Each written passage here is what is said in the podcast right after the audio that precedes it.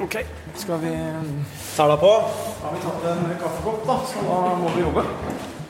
Dette stedet her er Myklegard. Det er liksom eh, Alle veit hvor det er, eller?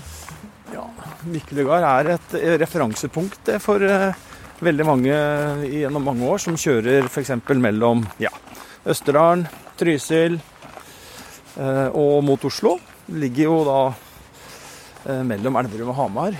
Så, så her er det mange som eh, nok har vært innom, ja. Ja, Det ser sånn ut. Det er oppe 24 timer her. Se, dette er skikkelig gammeldags veikro. Men da setter vi oss i bilen, og så Ja. Øystein og jeg er i Løten, hvor det har skjedd noe merkelig. En mann er borte, såkalte levninger er blitt funnet, og en dame er fengsla. Løten, åssen sted er det? Nei, det er jo en uh, Hedmarks, uh, tidligere Hedmarkskommune, da. Den ligger mellom Elverum og Hamar.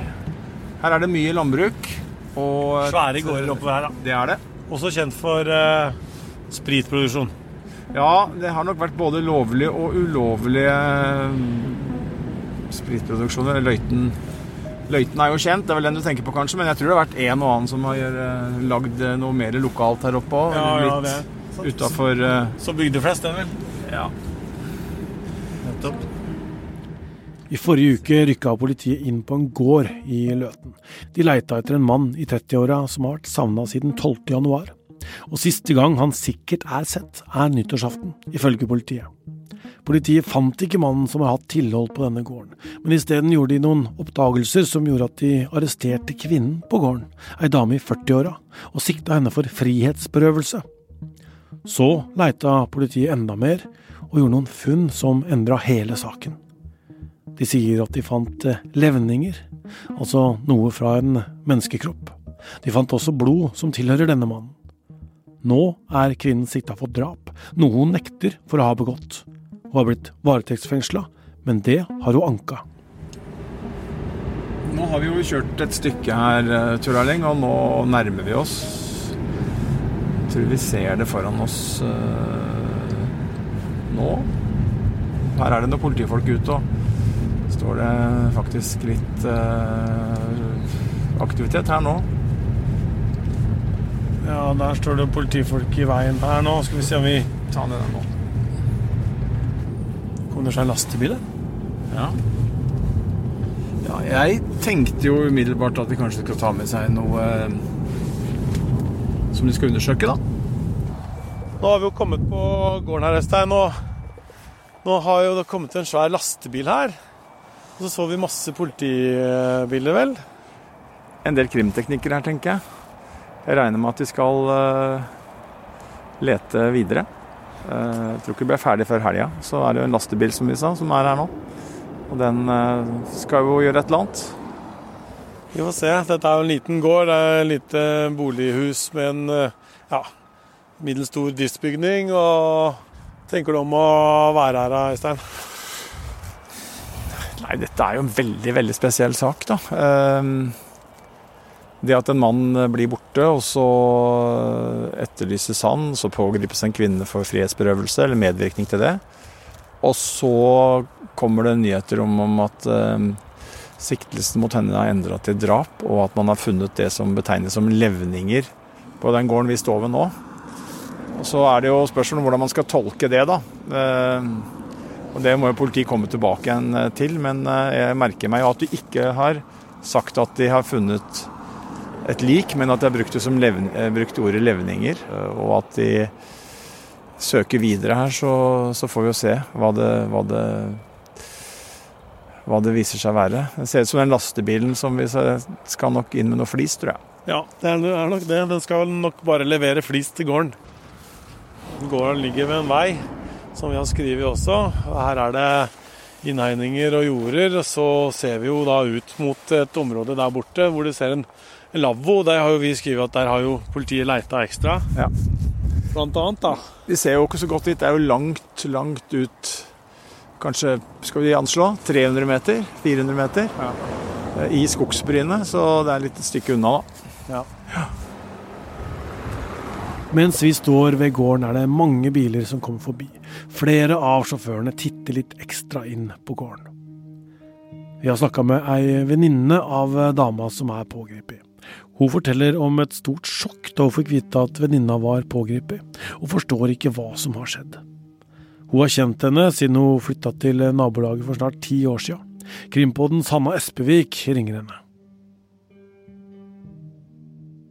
Nei, hun har alltid støtta meg. Hun har alltid hjulpet meg. Hun har strekt seg veldig langt for meg. Mm. Hva tenkte du når du fikk uh, høre om forsvinningen, da? Nei, altså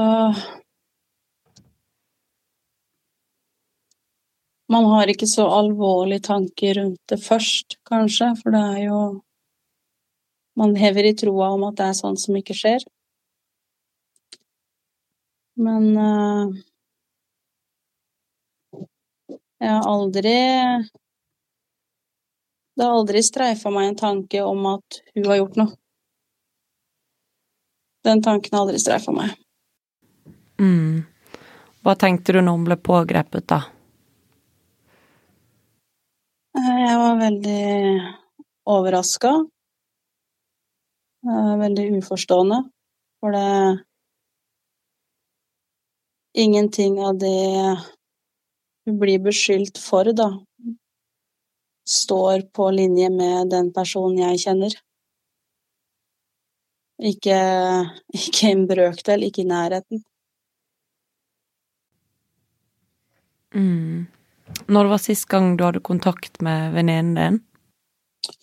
Jeg husker ikke nøyaktig hvilken dag vi hadde kontakt sist. Ehm, vi snapper jo løst frem og tilbake, sånn som venninner gjør. Mm. Hadde hun Altså, hvordan reagerte hun på, på forsvinningssaken, da? Eh, det har vi ikke snakka om. Nei. Merket du liksom noe endring der på gården eller på venninnen din etter eh, nyttår? Nei. Ingenting. Hvordan vil du liksom beskrive det miljøet rundt eh, gården og, og de to, da? Altså på de to kan jeg egentlig ikke uttale meg om, men miljøet på gården har jo alltid vært Jeg har fra dag én følt meg velkommen der, og hun har gitt meg en tilhørighet et sted. Og hun har gitt meg følelsen av at det er rom for meg et sted, og alltid hatt rom for meg. Så det har liksom alltid vært et sted å reise I hvert fall for meg, hvis jeg har vært litt nede, så har det vært stedet for meg å reise for å ha det bra igjen. Ja, hun er jo i hvert fall i mine øyne veldig sterk og selvstendig, som har som holder en gård alene. Og i tillegg til at det da For det gjelder jo ikke bare meg det som har hjulpet, du hjelper jo alle andre rundt seg. Hun setter alltid andre foran seg sjøl, hun hjelper alltid alle andre, og hun ber aldri om noe til gjengjeld fra noen. Etter å ha vært på gården, så drar Øystein og jeg rett til politihuset i Hamar, hvor vi møter politiinspektør Liv Hilde Nytrøen. Det er hun som driver etterforskninga mot kvinnen. Hva kan dere få lov til Hei. Tor Erling heter jeg. Liv Hilde Nytrøen. God dag. Liv Hilde Nytrøen. Hei. Hei. Da er det litt trøkk her i dag. Ja, det går i ett i dag òg. Ja, ja, ja. Ja. Men eh, nå kommer vi direkte fra Løten. Ja. vært på gården der. Så at det var en del eh, politifolk eh, med kriminalteknikere. Hva har dere gjort der i dag? Eh, Det har vært pause i de kriminaltekniske undersøkelsene i helga. Eh, I dag så har politiet startet opp igjen med omfattende kriminaltekniske undersøkelser. Dette er en gård, det er en stor eiendom, det er flere hus, det er omfattende flater som skal undersøkes. Det er vinter og snø, eh, det er vegetasjon og noe kupert. Så dette er et område hvor det tar lang tid å få oversikt over. Hva var egentlig grunnen til at dere eh, gikk til den, eller dro dit, eh, den gården i forrige uke? Politiet mottok jo en savnetmelding den 12. januar. Den ble oversendt til Innlandet søndag den 14. Og i praksis så starta etterforskningen for fullt her i Innlandet da den 15. januar. Og da ble det foretatt vitneavhør, det ble innhentet ulike digitale spor. Eh, og annen informasjon for å prøve å kartlegge hva som hadde skjedd med den savna mannen. Mm. Og dette er da bakgrunnen for at politiet forrige onsdag eh, startet med eh, kriminaltekniske undersøkelser på denne eiendommen i Løten. Og senere onsdag kveld eh, pågrep en kvinne i 40-årene som da ble varetektsfengslet forrige fredag. Mm. Hva var det som gjorde at eh, dere pågrep henne, da? Det var eh, funn eh, i etterforskningen. Det var, det var ikke én konkret ting, men flere ting som gjorde at eh, politiet mente at det var grunnlag for å gå til det skrittet å pågripe henne.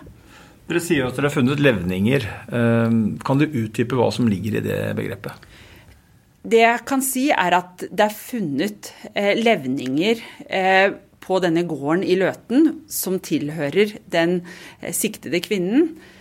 Jeg kan ikke gå noe inn på hvordan type levninger det er, annet enn at de foreløpige undersøkelsene på Kripos har bekreftet at dette er levninger fra et menneske. På fredag så startet de nye undersøkelser for å avklare om dette er levninger fra den savnede mannen. Det tar ca. en ukes tid å få svar på disse undersøkelsene. Leter dere etter flere levninger? Eh, som, vi, eh, som jeg sa, så gjenstår det fortsatt omfattende undersøkelser på denne gården, og vi søker fortsatt etter spor som kan kaste lys over hva som har skjedd. Dere har vært ute og sagt at det har blitt funnet blod også, um, som tilhører den savnede mannen. Og du har tidligere sagt at han hadde tilhold der, eller hadde bodd der. Så det er ikke så rart at kanskje hans blod er der. Men, men hva, hva kan du si om funnene? Det jeg kan si, er at det er gjort eh, funn av spor av blod fra den savnede mannen på denne eiendommen i Løten, hvor han oppholdt seg den siste tiden. Jeg kan ikke noe, si noe om hvor på eiendommen eh, dette er funnet, eller noe mer om omfanget av disse blodsporene. Har dere noen formening om hvordan han er drept dersom eh, den hypotesen eh, står seg? Det er en sentral del av etterforskningen å prøve å avklare hva som har skjedd med denne mannen. Og, og, per nå så har ikke politiet oversikt over hva som har skjedd. Har dere funnet noe dere antar kan være et drapsvåpen? Det er gjort en rekke beslag i saken, men jeg kan ikke gå inn på hva som er beslaglagt. Kvinnen er sikta for medvirkning. Eh, hva kan du si om eh, politiets tanker om en eller flere eventuelle medvirkere? Det jeg kan si, er at på dette stadiet i saken så er det ingen andre mistenkte eller siktede i saken.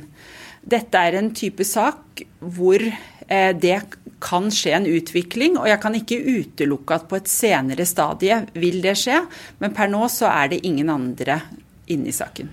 Har dere funnet et sted på eiendommen hvor dere antar at et eventuelt drap kan ha funnet sted, altså et helt sentralt åsted?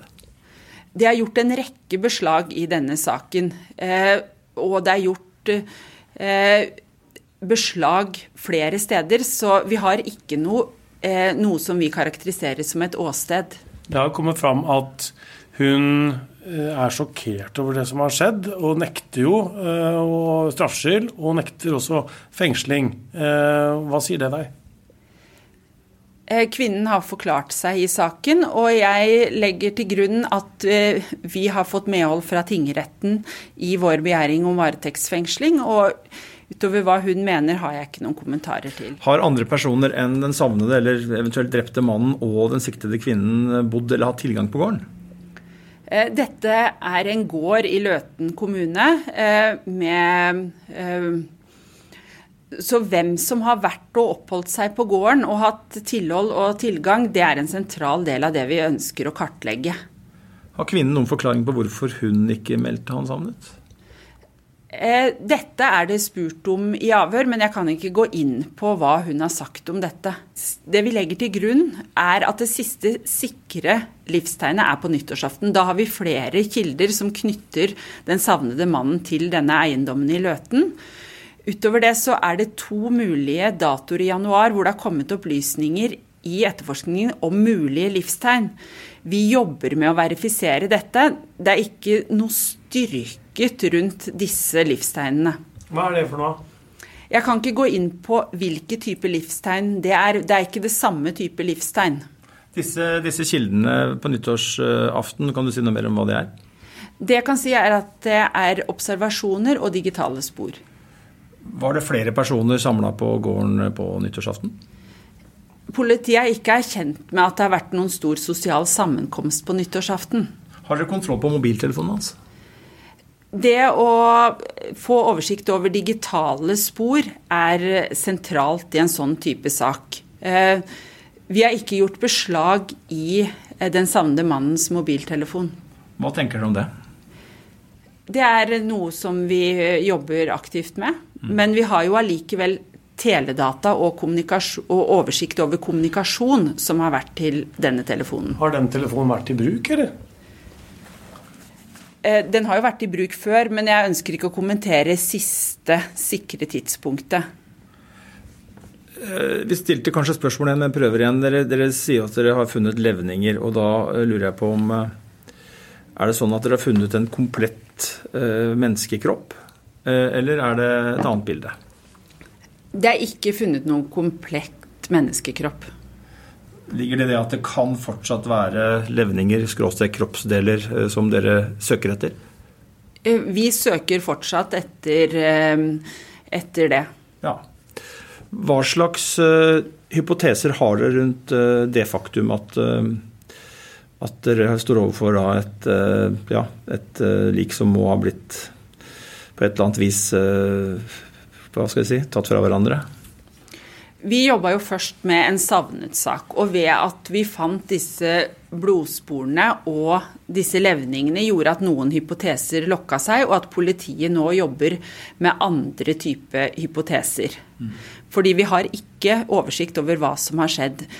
Men på dette stadiet i saken, vi har jo mye informasjon, så ønsker jeg ikke å gå inn på akkurat de konkrete hypotesene, men det vil vi kunne kanskje dele på et senere tidspunkt. Er det aktuelt å endre siktelsen mot den siktede kvinnen, eh, all den tid dere da eh, har funnet et, eh, et like flere deler? Per nå så er ikke det en aktuell problemstilling, men det er en løpende vurdering om hva vi sikter personer for. Nå var det jo undersøkelser her i dag. Kommer det til å fortsette utover uka, da, eller?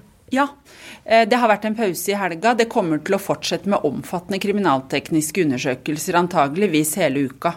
Hvor dere også da søke søker etter flere levninger? Vi vil søke etter spor som kan hjelpe oss å belyse hva som har skjedd med denne mannen. Litt lenger ned i Hamar, der Mjøsa møter Hamar sentrum, har forsvareren til kvinnen kontor. Der har han utsikt til landets største innsjø, som nå er islagt, og til det berømte stupetårnet i Hamar. Jens Henrik Lien, advokat, advokatfirma Magli på Hamar. Hvordan kom du opp i denne saken? Eh, jeg er fast forsvarer ved Østre Innlandet tingrett. Eh, og når det da eh, er behov for forsvarer i forbindelse med saker som oppstår, så blir de faste forsvarerne kontaktet først. Da var jeg en av de. Ja, Hvordan skjer det? Nei, Da er det politiet som tar kontakt og spør om jeg har kapasitet til å bistå i forbindelse med en sak. Og så, hvis jeg bekrefter at jeg kan det, som jeg gjorde her, så får jeg jo en oppnevning, da. Mm. Og da, det er på en måte mitt oppdrag i gang. Hva gjør du da? Nei, Da prøver jeg først å få litt informasjon om hva slags sak det er, hvem som er eh, klient, eh, litt hva det gjelder. Litt praktisk informasjon om eh, når jeg kan få snakket med klient, hvor det er praktisk å gjøre det, når politiet ser for seg at det skal være, gjennomføres avhør, og en del sånn praktisk rundt det. da. Når møtte du din klient i denne saken da først? Eh, jeg ble vel oppnevnt på onsdag kveld, ganske sent på kvelden, så jeg var ikke i kontakt med henne før på morgenen etter, altså morgenen på torsdag. Hvor da? Da snakket jeg først med henne på telefon, eh, hvor hun var i eh, arresten. Og så dro jeg ned og møtte henne etterpå. Hvor begynner dere da? En samtale? Eh, ja, Da må jeg være litt generell. Jeg har ikke så lyst til å si om akkurat i denne saken her, men helt generelt så begynner man jo litt med å for måte, forklare litt hvilken rolle man har, og hvorfor eh, jeg er der, eh, og litt om det praktiske. Og så helt sånne basic om rettigheter og ja, hva man er eventuelt siktet eller mistenkt for osv. Folk lurer sikkert på om du spør om han eller hun har gjort det, er skyldig. Når kommer det på banen? Eh, det er jo i utgangspunktet Dette er jo en sånn ting som mange tenker at det er en klassisk problemstilling for forsvarere. Men i hvert fall for min del så er det ganske sjelden jeg stiller direkte spørsmål rundt det. fordi jeg har egentlig ikke så mye å si for min oppgave. Så det jeg normalt spør om, det er, eller ønsker, det er jo å få eh, vedkommendes forklaring på hva, eller, hva, vedkommendes forklaring vil være. altså Hva er det man mener har gjort og ikke gjort, for å få klarhet i hvordan vedkommende stiller seg til det. Men eh, disse klassiske dilemmaene med at eh, man får en erkjennelse der og da osv., det, det tror jeg er eh, nokså sjelden forekommende. Og Så blir jo hun da sikta for eh, frihetsberøvelse, en siktelse som blir endra til drap eh, nå i helga. Hvordan stiller hun seg til dette? Nei, som jeg har sagt, så Hun erkjenner ikke straffskyld for dette. Så hun har gitt en forklaring som, eh, som ikke innebærer noe ansvar for det. Hva har hun sagt, da? Jeg kan ikke gå inn på hva det er hun har forklart seg om, eller hvordan hun har forklart seg, men, eh, men det er det som er essensen i hennes forklaring, er at hun ikke erkjenner straffskyld for dette. Men hun har forklart seg lenge?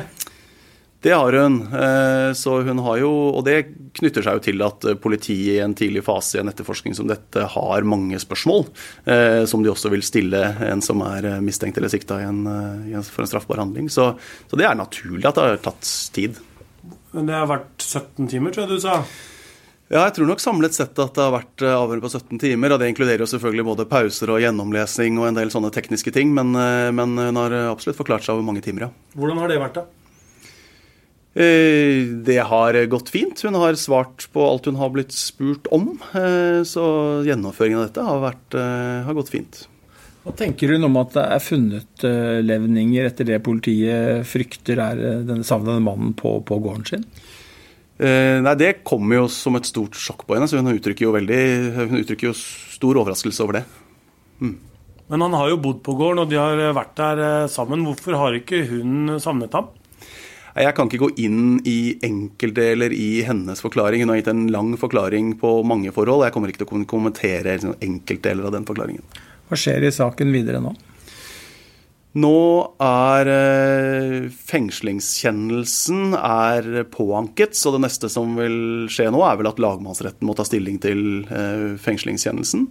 Eh, og utover det så vil vel videre etterforskning styre hva som skjer videre. Er hun villig til å stille inn nye avhør? Ja, hun har eh, ikke gitt uttrykk for noe annet enn det. Men hun vil jo da sier, nekte å la seg fengsle. Hun har påanket den kjennelsen.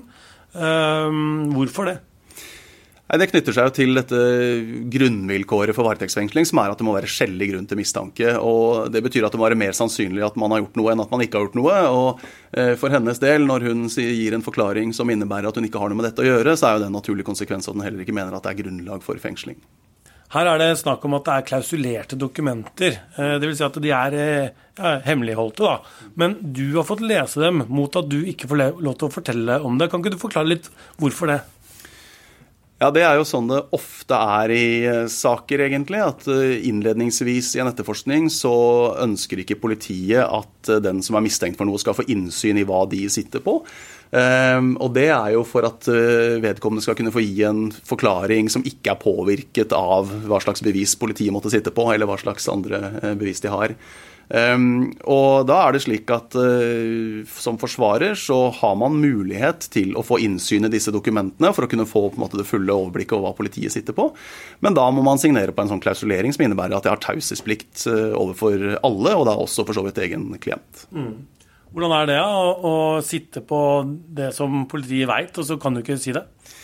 Det er man jo for så vidt som forsvarer, så er jo ikke det helt uvanlig. Eh, men det er klart man skal jo eh, Man må jo være veldig nøye da selvfølgelig med dette og, og, og holde tunga rett i munnen. Men, eh, men det, det, er ikke noe Det er jeg vant til. Ja, Øystein, nå er vi tilbake i det lille studioet vårt her i Krimpodens lokaler. Hva slags inntrykk har du av denne saken her, når vi har vært eh, på gården der, vi har snakka med politiet og vi har møtt forsvareren? Det er jo en gåte eh, hva som har skjedd. Eh, politiet har fortsatt ikke, og nå har det jo gått noen dager, et eh, par dager siden vi var der. Politiet har fortsatt ikke en formening om eksakt drapstidspunkt. De har fortsatt nyttårsaften som et sikkert holdepunkt, og så er det et par datoer som de jobber med. Det er uklart hvordan han eventuelt er drept. Det er uklart hvem som har gjort det. Eh, kvinnen på gården eh, nekter jo straffskyld og stiller seg helt uforstående til det som har skjedd, og er sjokkert over de funnene som er gjort på hennes egen eh, gård. Og uavhengig av om hun skulle ha en rolle eller ei, så er jo spørsmålet om det er noen andre der. Er det en medvirker, eller er det, er det sant det hun sier, at hun ikke har noe med det å gjøre? Er det noen helt andre personer som har vært der? Så dette er en en skikkelig gåte uh, som nok kan bli krevende for politiet, tror jeg, eh, å, å, finne svar på. Litt avhengig av selvfølgelig hvordan det går og hva som dukker opp av informasjon. Men eh, sånn som den saken står nå, så er den veldig, veldig spesiell. Vi hørte jo Nytrøen, hun fra politiet, var veldig knapp og ville jo ikke si mye detaljer fra hva de hadde funnet osv. Kommer vi til å få noe informasjon eller svar på det? Ja, Det avhenger jo for det første av hva politiet finner ut. Eh, nå er det jo tidlig etterforskning i og for seg. Det er en ukes tid siden alarmen gikk. Men eh, det er helt avhengig av eh, hva man kan finne ut av. Om det er noen som har lyst til å bidra med opplysninger, hva man finner ut på de krimtekniske undersøkelsene. Og så vet vi jo ikke nå om det blir en, en rettssak. Hvis det gjør det etter hvert, og den ligger langt frem i så fall, så vil jo erfaringsmessig komme noen flere svar. For da har jo politiet og påtalemyndigheten en sak hvor de mener at de kan få dømt en eller flere personer eh, for eh, ja, et drap, da, hvis det er det man ender opp med at dette er. Men eh, det kan også hende at det er vanskelig å få informasjon. Det kan hende at man ikke Man vet jo ikke på det nåværende tidspunkt om det blir en rettssak. Det kan man jo ikke forskuttere. Så dette er um, Ja, det er ja, på mange måter altså en veldig veldig spesiell sak. Mm. Nå har det vært eh, mange drap eh, i eh, januar. Sier mange fordi det har vært Ja, det er Vi teller vel tolv drapsofre. Det spørs litt hvordan du ser på hvilke saker og sånne ting, men rundt der. Og alle disse hendelsene og drapene får jo ikke like mye oppmerksomhet. Ikke av oss i Krimpodden, og heller ikke av media heller. Hva er det som gjør at vi bruker tid på denne saken? Det er jo fordi at dette er en uh, sak som er veldig uavklart. Uh, en del saker så vet man hvem gjerningsmannen, hvis det er en mann, er med en gang omtrent. Man vet uh, hvem offeret er, og, og, man vet ganske fort hva som har skjedd. denne saken så er det jo uklart. Per nå så vet vi jo ikke at de levningene politiet har funnet stammer fra den savnede mannen. Vi vet ikke hvem som eventuelt har drept ham, og vi vet ikke når det skjedde, og hvordan det skjedde, og hva som skjedde. Så det er de ubesvarte spørsmåla som gjør at denne saken nok blir eh, interessant for folk flest, og som også gjør at vi fokuserer og, og, har vært ute på Løten og gått opp det som er av spor og på en måte den løypa som ligger der foreløpig. Vi kan jo snakke litt om eh, hvordan vi jobber, da, for å få vite mer om disse sakene. For vi er jo ikke sånn prisgitt at eh, politiet eh, går ut på sånne pressekonferanser og sånne ting. Vi, vi, gjør jo på en måte våre egne undersøkelser også. Ja da, vi gjør det. Og det er alltid en rutine. Og vi har jo selvfølgelig ja, rutiner i redaksjonen på å jobbe med ulike form for uh, Vi tar ulike former for researchgrep. Det kan være å snakke med folk, det kan være skriftlig materiale. Vi har jo selvfølgelig alltid kontakt med både politiet og en forsvarer eller bistandsadvokat, eller flere hvis det er, det involvert.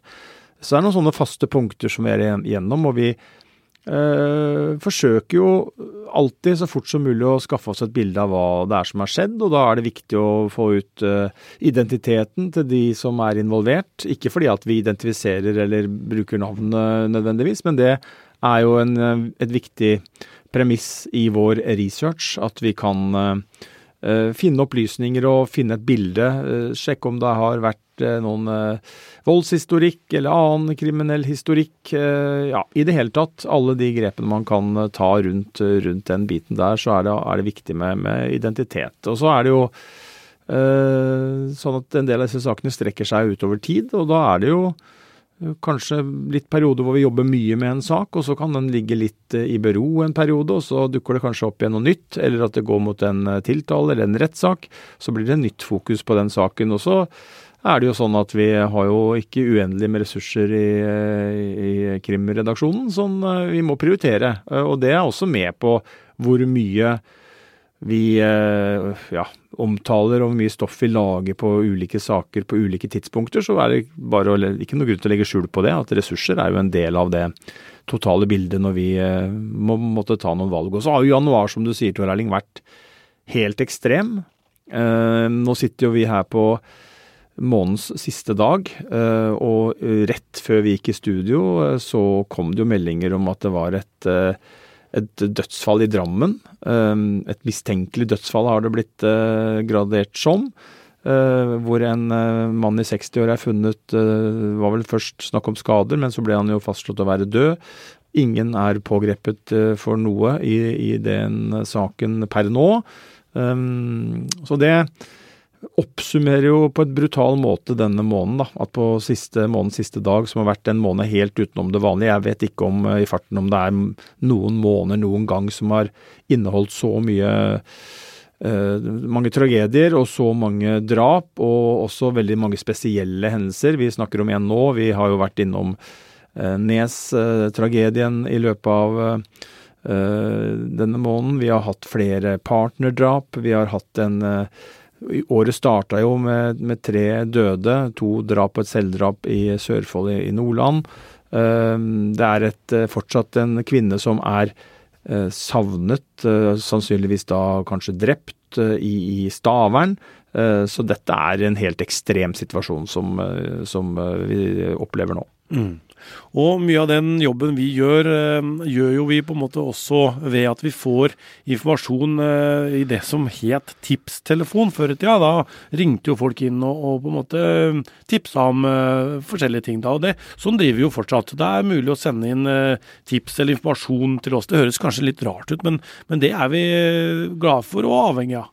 Ja, det er sånn at vi sitter jo ikke og vet noe som helst ofte, vi, når det kommer en en melding til oss om at det har skjedd et eller annet, et eller annet sted.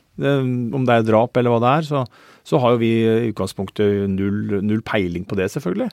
Og, og, da er vi jo veldig takknemlige for eh, at folk tipser oss og kommer med informasjon. og vi har jo et kildevern, du kan være anonym. Eh, vi røper ikke hvem du er til noen. Og, og folk kan være helt trygge på at vi behandler den både identiteten deres og informasjonen deres på en ordentlig og ryddig måte. Da. Det legger vi mye både ja, det legger vi mye i. Sjela vår i. Det kildevernet som det heter, det er absolutt. ikke sant? Det er sånn som hvis eh, politiet kommer til deg Øystein, og spør eh, hvem har du fått denne informasjonen av, og røp det navnet, så, så, gjør du ikke det. Nei, det gjør vi ikke. Og det er eh, som du sier helt absolutt. Det, det skjer bare ikke. Og nå er det jo, mens vi sitter og prater nå, så kommer det jo nyheter om Løten-saken. Lagmannsretten har forkasta, som det heter, eh, anken fra kvinnen når det gjelder fengsling. Og hun blir da sittende i fire uker eh, der. Eh, lagmannsretten mener at det er skjellig grunn til å mistenke henne for å ha drept mannen på, på Løten.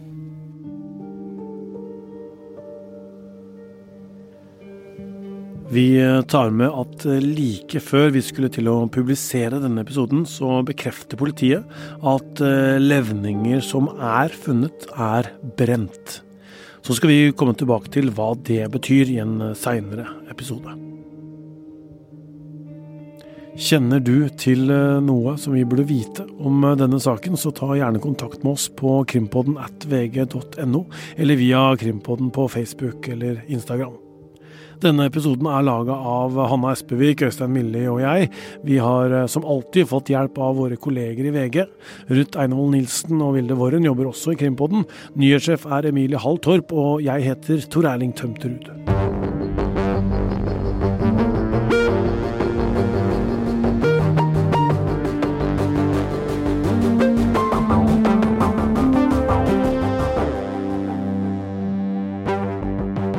Har hørt en podkast fra VG. Ansvarlig redaktør, Gard Steiro.